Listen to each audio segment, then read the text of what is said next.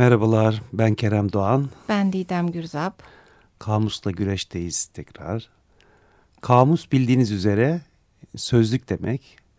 Ee, ve biz bu sözlüklerle güreşerek kelimelerin yeni anlamları üzerine düşünüyoruz. Yeni anlamlar üretmeye çalışıyoruz, genişletiyoruz. Ee, farklı kaynaklardan yararlanarak. Bu hafta G harfindeyiz. G harfinde de kelimemiz gerçek.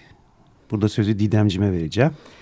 Ben Gilles Deleuze'ün gerçek yoktur yaratılır alıntısını e, paylaşmak istiyorum. Hem birlikte yaratacağız burada e, Kerem'le birlikte hem de zaten gerçekle ilgili elde ettiğimiz kaynaklardan da gerçeğin ne kadar olduğu olmadığı konusunda hı hı. biz de müteredditiz efendim. Efendim buyurunuz. Türk e, dili Evet Türk Dil Kurumu'nda e, daha doğrusu paradigma felsefe terimleri sözlüğüne bakayım ilk önce Ahmet Cevizci'nin. Orada gerçeklikle ilgili olarak bir tanım var. En genel anlamı içinde dış dünyada nesnel bir varoluşa sahip olan varlık. Ölçümlenebilen, kamusal ve güvenilir bir biçimde analiz edilebilen demiş. Ee, bir de bireyin gerçekten var olduğuna inandığı ve gerçek varlığın ayrılmaz bir parçasını oluşturduğunu düşündüğü Tanrı, ruh ve ideal nesneleri de kapsayan nihai varlık alanı. Hmm. Bir daha somut yani elle evet. tutulabilir, kanıtlanabilir. Biri gibi. daha somut, biri daha soyut gibi. Ee, birinde inanılan bir şey var, birinde de hani ölçülebilen, desteklenen, e, nesnel olan bir yani tanımlama söz konusu. Hı hı. E, TDK'da da benzer bir hani aslında bir tanım var. Burada farklı olarak hani bildiğimiz gerçek kişi, hukukta geçen hakiki şahıs, gerçek kişi. Ha, gerçek e, tüzel falan evet, diye gerçek tüzel e, tanımı var. Bir de gerçek sayı var matematikte Didemciğim. Bir eksen üzerindeki bir noktanın yerini belirlemeye yarayan sayı. Gerçek sayının açıklaması da. Terimsel anlamda. E, bir de argo sözlüğü var buradaki hayli muzur olmuş gerçek niteliği ortaya çıkmak diye bir şey. Gerçek niteliği ortaya çıkmak e, poposu görünmekmiş. Evet. Sendeki sözcüklere de bir bakalım. Evet ben de gene şeytanın sözlüğü var Ambrose Bierce'ın. Orada e, gerçeklik tanımı var. Çatlak bir filozofun rüyası diye tanımlamış Bierce. Bir tayfı eleye koyduğunuzda deliklerden süzülmeyen şey gerçeklik. Hmm. E, Türkiye Cumhuriyeti Vatandaşı sözlüğünde de Akdoğan Özkan'ın e, gerçeğin tanımı var. Orada da söyleyerek dokuz köyün dostluğunu kaybedebildiğimiz, hmm. söylemeyerek dokuz köyün düşmanlığını kazanabildiğimiz, o nedenle bazen bir kısmını söylemeyi tercih ettiğimiz can sıkıcı bir insanlık eylemi. Şimdi sözlüklerde hep böyle cümle örnekleri vardır ya, Hürriyet gazetesinde Ege Cansen'den bir cümle örneği verilmiş. Orta Doğu kültüründe ki bu kültürün temeli İslam'dır. Gerçeğin bir kısmını anlatmamak yalancılık sayılmaz. Hmm. Çünkü ortada söylenmiş gerçek dışı bir şey yoktur hmm. denmiş. Ben e, bu e, tanımı özellikle Türkiye Cumhuriyeti Sözlüğü'ndeki tanımı e, Nietzsche'nin ve Falih Rıfkı Atay'ın iki e, sözünü gerçeği araştırırken görmüştüm. Onlarla hmm. bağlantılı buldum. Nietzsche saklanan bütün gerçekler zehirli olurlar demiş. Hmm. Dokuz köyden kovulmamıza neden olacak kadar. Falih Rıfkı Atay'da hep zehir devam ediyor. Zehir kadar acı olsa da gerçek ilacını içiniz demiş. Sence Güzelmiş. öyle içilmeli mi? Bence de içilmeli tabii. Zehirden yanayım yani o anlamda. Tamam o zaman. Simgeler sözlüğüne bakalım bir yandan Esat Korkmaz'ın. Burada birazdan dini mevzulara gireceğiz. İnanç boyutuna bakacağız gerçekliğin ne olduğuna dair. E, Mazdaizm'de simgesel anlamda ehrimenin yarattığı yalana karşı savaşmak için Ahura Mazda tarafından yaratılan ve ilk bakışta sevimsiz görünen iyilik, aydınlık, iyi düşünce, iyi söz manası var. Hmm, bu ehrimen hep var. Ehrimen evet geçen hafta geçen hafta vardı. fare evet. konusunda vardı. E bir de bizde tasavvufta ve Alevi Bektaşilikte gerçek hakikatle ilgili olarak bir hani açılım var. Burada Alevi Bektaşilikte dört kapı öğretisine göre insani kamil aşamaları sıralamasında son sırada yer alıyor hakikat. Ve bu durum e, muhiplerle özdeşleştiriliyor. Ee, yani varılan en son nokta anlamında evet, mı? Hmm. Muhip dost seven anlamı taşıyor. Hakkı görme tanrısal alemin gücü içinde erime evresi. Hakikat hmm. kapısı. Dört hmm. tane kapıdan bahsediliyor. Tasavvufta da benzer bir şey Çok. var. Dört tane mertebe var. şeriat, tarikat, hakikat, mari, marifet gibi. Hı hı. Hakikat de Allah ile insan arasında oluşan muhabbet neticesinde ve ancak bir tarikata girdikten sonra elde edinilen bir bilgi. Hmm. Hakikat mevzusu. Zaten e, hep o geldikleri Tanrı'ya dönme amacındalar ya e, mutasavvıflar tasavvufta. Evet. Peki şimdi yavaş yavaş felsefeye doğru mu yelken açsak? Bence de açalım. Başka kaynak var mı sende peki? Şimdi felsefede zaten felsefe başlı başına gerçeğin ne olduğu üzerine e, sürekli akıl yürüten filozofların görüşler ileri sürdüğü bir dal. E, bir Platoncu yaklaşım var. E, hepimizin iyi bildiği bu mağaradaki gölgeler hikayesinin e, kökeni. Yani bu e, dünyada var olan e, formların aslında ideal örnekleri olduğunu, dünyadakilerin onların birer gölgesi sureti Yansıması olduğu görüşünü. Oldu? Evet Hı -hı. düşünüyor Platon. Öyle bir gerçeklik anlayışı var. E, bu milattan önce 300'den bahsediyoruz. E, hemen ardından Aristo e, bizim bugünkü gerçeklik anlayışımıza daha çok uyan e, bir yaklaşımla geliyor. Diyor ki dünyada ne varsa odur. Gerçek çevremizdeki dünyada yer alır. E, o yüzden bu yansımalar hikayesine... Hı hı. E, başka türlü bakıyor. E, kurgusal bir takım formların dünyası yok ona göre. E, bu ilk temel çatışma gibi görülebilir evet. felsefenin e, bakışında. Sonra, Tarih boyunca var aslında bu çatışma değil mi? Evet. Yani, evet sadece evet. Bu, o, o, o güne dair değil. Ve pek çok başlıkta çok doğru söylüyorsun. E, sonra Leibniz 17. 18. yüzyılda... E, ikiye ayırmış bir akıl yoluyla varılan gerçekten bahsediyor. Rasyonalizm hı hı. götürüyor. Bu bize e, deney yoluyla varılan gerçekte ampirik düşünce hı hı hı. içeriyor. Leibniz de sonuçta gerçeğe e, çevremizdeki dünyada bulduğumuz kanıtlarla ulaşırız demiş. Hı.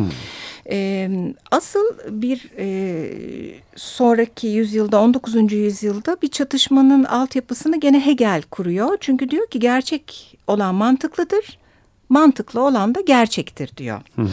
E, fakat hemen ardından 20. yüzyılda Herbert Marcuse tek başına söylendiğinde tartışılısı bir cümle e, ile geliyor karşımıza.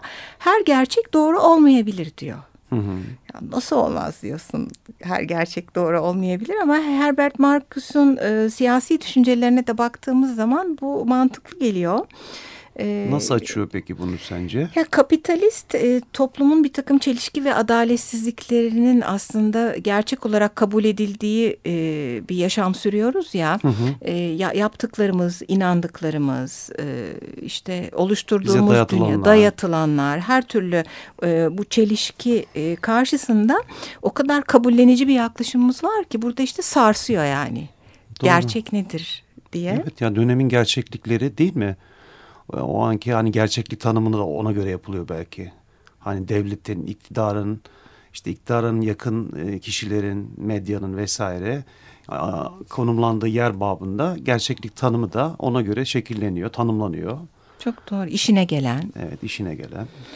E, bu bağlamda Marcus e, gerçekten şey içinde bulunan ortam, doktrin ya da e, yaşayışa bir yeniden bakışı e, sağlıyor, sağlamaya Hı -hı. çalışıyor diyebiliriz. Hep de tartışılır mesela tarihte de hani bilirsin işte onu, onu da hani konuşmuştuk seninle. Hı. İşte resmi tarih, yazılı tarih, işte bize e, sunulan tarih bizim hani e, bizim bildiğimiz tarih hep böyle bu hep böyle sürekli tartışıla gelen bir konu. Çok doğru. Anlatılan sözlü tarih diye bir şey var şimdi çok bahsedilen üzerinde çalışmalar yapılan ya da hani öyle bir tarih ki aynı ülkenin içinde yaşayan insanların anlattığı bambaşka tarihler var. Ee, bazen etnisiteler, inançlar, yaşanılan yer değiştikçe de bu tarih değişiyor. Bizim ülkemizde çok sık sık çok. hani karşılaştığımız örnekler var. İşte Ermeni tehciri var, Dersim isyanı ile ilgili olarak yani anlatılan tarih, yansıtılan, sürekli tartışılan, televizyonlarda tartışma konusu olan. Çok doğru. Osmanlı içinde, Cumhuriyet tarihi içinde e, tartışmadan öte kavgaya kadar varan gerçeklik anlayışları var. Hı hı. E, bu felsefeyi ben Karl Popper'la bitireyim. Gene bir 20. yüzyıl düşünürü. Hı hı. E, o da şöyle bir cümle söylemiş. Bilimsel bir teorinin gerçeği yansıtması ancak yanlışlanabilirliğe açık olmasıyla mümkündür demiş. Hmm, E, bu başlıkla ilgili e, çalışırken e, Half-Life of Knowledge diye bir terimle karşılaştım. Çok ilginç bu. Yani evet bilginin e, yarı yılı, yarı yaşamı gibi bir anlamı var. E, zaman içerisinde bilim adı altında karşımıza çıkan pek çok başlığın işte psikoloji var bunun içinde, fizik var, kimya, biyoloji, hı hı. E, hatta matematik. E, hepsinin zaman içinde doğrudur diye ileri sürdüğü bir takım teoremlerin, bilgilerin... E, yanılabilirlik paylarından yola çıkarak bu Half-Life of Knowledge kavramı ortaya çıkmış. Bununla hatta, ilgili zaman saptamaları var bile galiba. var. Hatta psikolojide psiko değil mi? Beş yıl. Evet psikolojide beş yıl. Tabii bunlara o kadar kesin diye bakmamak da lazım belki ama kabaca bazı zamanlar belirlemişler. Yani psikolojide bir e, teori ileri sürülüyor yahut da çeşitli e, başlıklar var ya orada. Hı hı. İşte davranışçılar var, Freudiyenler var vesaire. E, uzun süre bu doğrudur denen bir şey birdenbire yeni yapılan bir takım klinik çalışmalar başka bir önemli evet. psikiyatrın devreye girmesiyle başka Çok bir şeymiş. Çok iddialı olmamak lazım o yüzden. Bu benim Hiç. gerçeğim gerçekliğim derken evet. yarın bir gün değişeceği kesin aslında bir yandan baktığın zaman. Ay, e, o bir de tıp tıp demeyeyim de günlük yaşantıda da çok var. Mesela diş fırçalamanın hangi yöntemin doğru olduğunu sen biliyorsun Kerem? Misvak. evet misvak doğru söylüyorsun. Başka bir de böyle üstten aşağıya yuvarlak. Sakın ya, yanlara doğru yapmayın. Evet. Hayır asıl o doğruymuş. Ben açıkçası doğrusunu bilmiyorum. Kafamı göre fırçalıyorum. Bir doğru yok galiba. Sütle de ilgili öyle gerçekler var. Ee, peki. Bu başlık altında ufak ufak şarkımıza girelim diyorum. Yaraladık programı. Evet. Şarkımız e, The Police'ten geliyor. Truth Hits Everybody.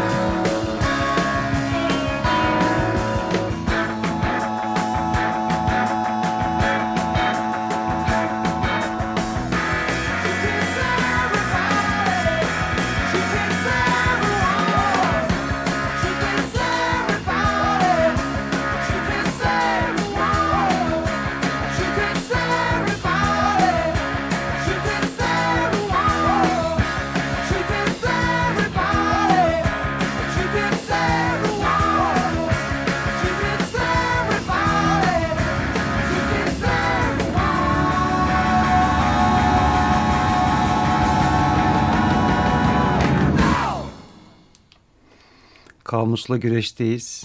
Gerçeği bileceksiniz ve gerçek sizi özgür kılacak. Bu Yuhanna'dan alıntı, İncil'den CIA'nin sloganı. İyi mi? Ha, iyiymiş. Peki hangi gerçek? Evet. Şimdi ben e, çok ilgimi çeken bir bilgiyle karşılaştım. Sadece bu GABA sinir ileticilerini duymuştum ama bu kadar bilmiyordum. Etkili olduklarını bilmiyorduk değil evet, mi? Evet bilmiyordum. E, Tahir Ceylan'ın Ortak Benlik kitabı kaynağım. Ayrıntı ee, yayınlarından. Evet ayrıntı yayınlarından çıkmış. Şimdi beyinde e, GABA sinir ileticileri diyebileceğimiz hı hı. ileticiler var ve e, gerçeğin beynimize yerleşmesinde çok etkili bunlar. Nasıl yerleşiyor ee, gerçek? Gerçek şöyle bir tür kodlamayla yerleşiyor. Yani e, herhangi dış dünyadan alınan bir ileti, bir temsil, gerçek diyebileceğimiz şey e, etraftaki diğer şeyler bastırılıyor. Hı hı. Ee, Hep uyarıldığı düşünülüyormuş aslında bastırılıyor. Evet onlar bastırıldığında beyinde çeşitli boşluklar var bilgiyi gerçeğe alabilmek için. Hı hı. O boşluğa oturuyor. O daha yüksekte yukarıda kalıyor. Sanki böyle bir hı hı. tahta kazıma işi gibi. Nasıl etrafındakini evet, kazıyıp da örneği vermiş. Kabartma çıkar. yazı örneğini vermiş. Ha, tam öyle. E, şimdi bu mesela şizofrenlerde e, yeterince GABA e, dokusu olmadığı için. Gaban e, yoksa? Evet gaban yoksa gerçekle ilgili bağlantında kopuk oluyor. Hmm. Gerçek algılarındaki bozulmanın bir takım e, birbiriyle alakasız öğelerini birbir, birbirlerine karıştırmalarının sebebi bu şizofrenlerin. Hmm, sadece şizofrenlerde değil galiba. Değil o çok ilginç evet. yani işin nörolojik yanı mesela şey demiş hani GABA var ama sağlam temsil oluşturacak nesne yok çevrede çok. E, işte hapishanelerde olduğu gibi o kadar çok şeyle evet, karşılaşmıyorlar. Koruyup kollanan çocuklarda demiş. Evet bu çok ilginç. Böyle çocuklarınızı aşırı koruyup kollamayınız. Alt e, metnini geçermişiz. Evet, o zaman ne, ne diyor? Eğer nesneler sağlam bir temsil oluşturmaya yetecek sayıdaysa ama kişinin zihniyle karşılaşma imkanı bulamazsa diyor. O zaman kendilerini keskin çizgilerle temsil ettirme gücü kazanamazlar. Evet. Yani çok Böyle gerçek algısında bir bozulma, bir karışıklık oluşuyormuş bu durumda. Evet. Yani aşırı korunan çocukta ne oluyor tabii? Hep onun yerine kararları büyükleri veriyor. Hı hı. Dış dünya ile ilgili pek çok şeyden korundukları kendi için. Kendi gerçekliğini oluşturamıyor, kendi kişiliğini evet. oluşturamıyor ya da başka bir gerçeklik oluşturuyor. Ya da başka bir gerçeklik diyebiliriz. Ben bu gerçek algısının bozulması ile ilgili de bir Eflatun'un bir e, sözü var elimde. E, biraz yerine oturdu gibi. E, insanlar gerçeğe değil gerçek gibi görünen şeylere inanırlar demiş. Bu özellikle Gabatam işlevini görmediğinde olan bir şey e, herhalde. E, Peki toplumsal bir şizofreniden bahsetmek mümkün mü? Sanki Tahir Ceylan e, bununla ilgili düşünmüş biraz. E, kendi toplumumuzda olan e, bir takım hı hı. şeylere baktığımızda da şaşırıyoruz ya nasıl olur diyoruz ya göz göre göre bunu görüyor ve hala nasıl inanabilir nasıl böyle söyleyebilir.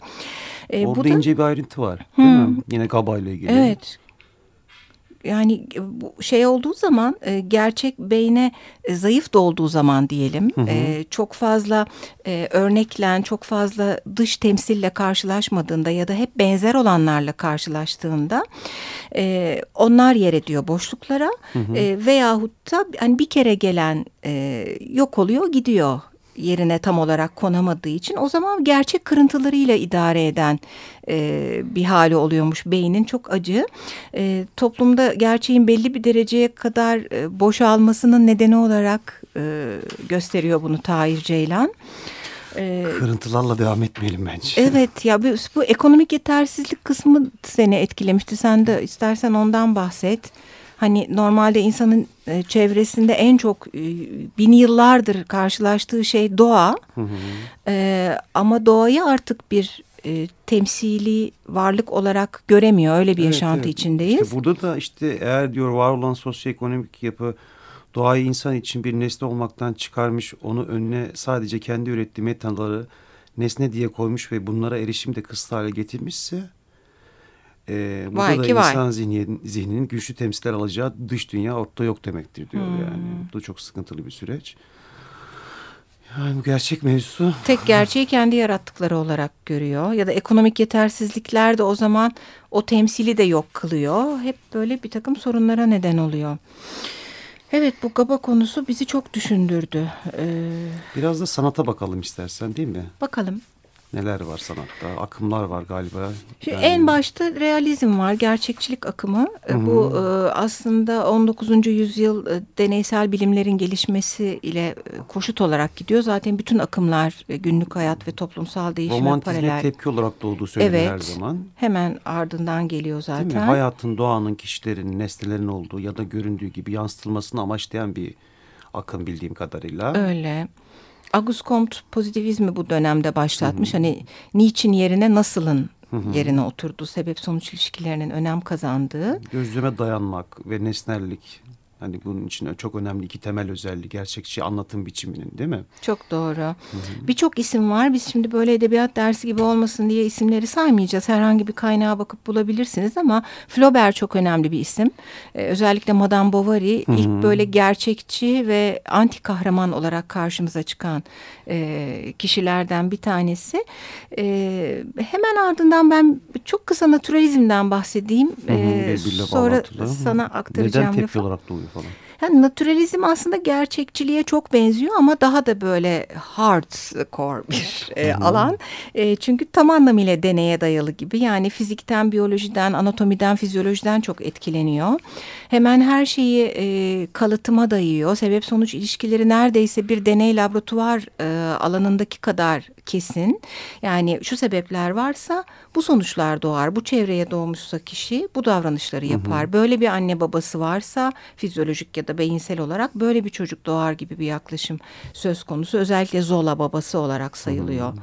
bu akımın. Gerçek de... üstücülük var tabii bir de değil mi? Evet. Philippe Soupeau ve André Breton'un öncülüğünde kuruluyor. Fransa'da hmm. 1919'da ortaya çıkıyor. Savaş sonrası, Birinci Dünya Savaşı sonrası. 1969'da da etkisini yitiriyor. Devrimci edebi sanatsal bir hareket. Özellikle otomatik yazının keşfiyle başlıyor. Orada da evet Freud'un bayağı etkisi var. Psikanalizin e, gerçek üstücülük deniyor. Bir yandan e, bilinçaltı e, kelimesiyle hı. paralel gidebilir. Hani insanların e, rüya, sarhoşluk, sayıklama, delilik ya da hipnotize edilmiş durumda yani bilinç yokken akıl dışı e, yaptığı şeylerin, söylediği şeylerin e, üzerinde duran, e, onları ön plana çıkaran bir yaklaşım. Tabii, gerçek üstücülük gerçek dışı değil diyorlar ama gerçek üstücüler. Gerçeğin insandaki e, iz düşümüdür diyorlar. Evet e, Breton'un manifestosunda insanın kendisini söz ya da yazıyla veya başka bir biçimde ifade etme amacıyla yararlandığı saf psişik otomatizm, düşüncenin gerçek işleyişi, aklın her türlü denetimden uzakta, her türlü estetik ve ahlaksal kaygıdan uzakta düşünce tarafından dikte ediliyor. E, gerçek üstücük e, Robert Desnos, Aragon, Eloard, René Char, e, Lorca, Salvador Dali hani örnekleri var. Bir evet. büyülü gerçekçilik var. Hmm. Benim çok sevdiğim bir roman Yüzyıllık Yalnızlık Marquez'in. Evet, Marquez'le hemen. Burada hani belirgin olan şey ne ortaya çıkan? Burada pek rastlanmayan sihirli ve mucizevi e, mantık dışı öğeleri içeriyor değil mi? Fantastik öğeleri içeriyor. Bir de e, Latin Amerika edebiyatında özellikle çok görülüyor. Evet Latin Amerika edebiyatında doğru diyorsun e, politik kaygı var ama tabii ekonomik sorunları işliyor. Üçüncü dünya insanını anlatıyor.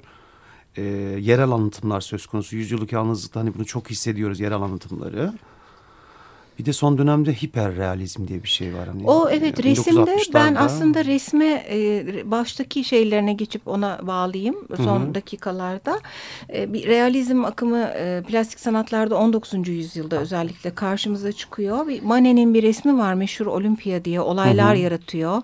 İşte 1865'te bir sergide çıplak e, bir kadını sergilediği için ama zaten şimdiye kadar çok çıplak var resim sanatında ama o çıplaklar hep mitolojideki, dindeki, efsane efsanedeki hmm. bir takım e, periler, yaratıklar hep kabul görmüşler izleyici tarafından. İlk defa bir e, Fransız fahişenin gerçek hayat içindeki çıplaklığı insanları böyle sarsıyor. E, keza bu e, kurbenin e, de bir takım resimleri aynı gerçekçilikte. Aynı edebiyattaki başlıklar gerçek üstücülük, e, toplumsal gerçekçilik başlıkları resimde de e, karşımıza çıkıyor. Zaten birçok alanda hissediliyor tabii yani. Evet. Siyasette, sanatta dediğin gibi. Yani sanatın farklı alanlarında, şiirde vesaire. Evet. bütün akımlar. Yani bu e, resme perspektifin girmesi, Rönesans'taki gerçekçi yaklaşımlar, baroktaki işte gölgenin hı hı. ışığın doğru kullanılışı falan hepsi e, resimle adım adım e, gerçeğe doğru e, gidiş. En son noktası da senin bahsettiğin hiperrealizm. Fotorealizm de deniliyor. Bunu 60'larda işte ön, ön plana çıkıyor. Hatta bu işte Robert Mueck değil mi? Mueck Ron, değil mi? Ron Mueck. Hayır Ron Mueck Ron affedersin. Mueck, efendim, Kukla ustasıymış aslında. Yani burada e, benzerlik işte çok üst düzeyde değil mi? Birebir bilmeyen e, izleyici dinleyicilerimiz varsa Ron Mueck'in e, heykellerine bir bakmalarını tavsiye ediyoruz. Evet. E, ve e, böylece gerçek programımızı gerçekten bitiriyor muyuz? Gerçekten bitiriyoruz. Gerçeğin ne olduğu konusunda. Haftaya görüşmek üzere. İyi haftalar. Hoşçakalın.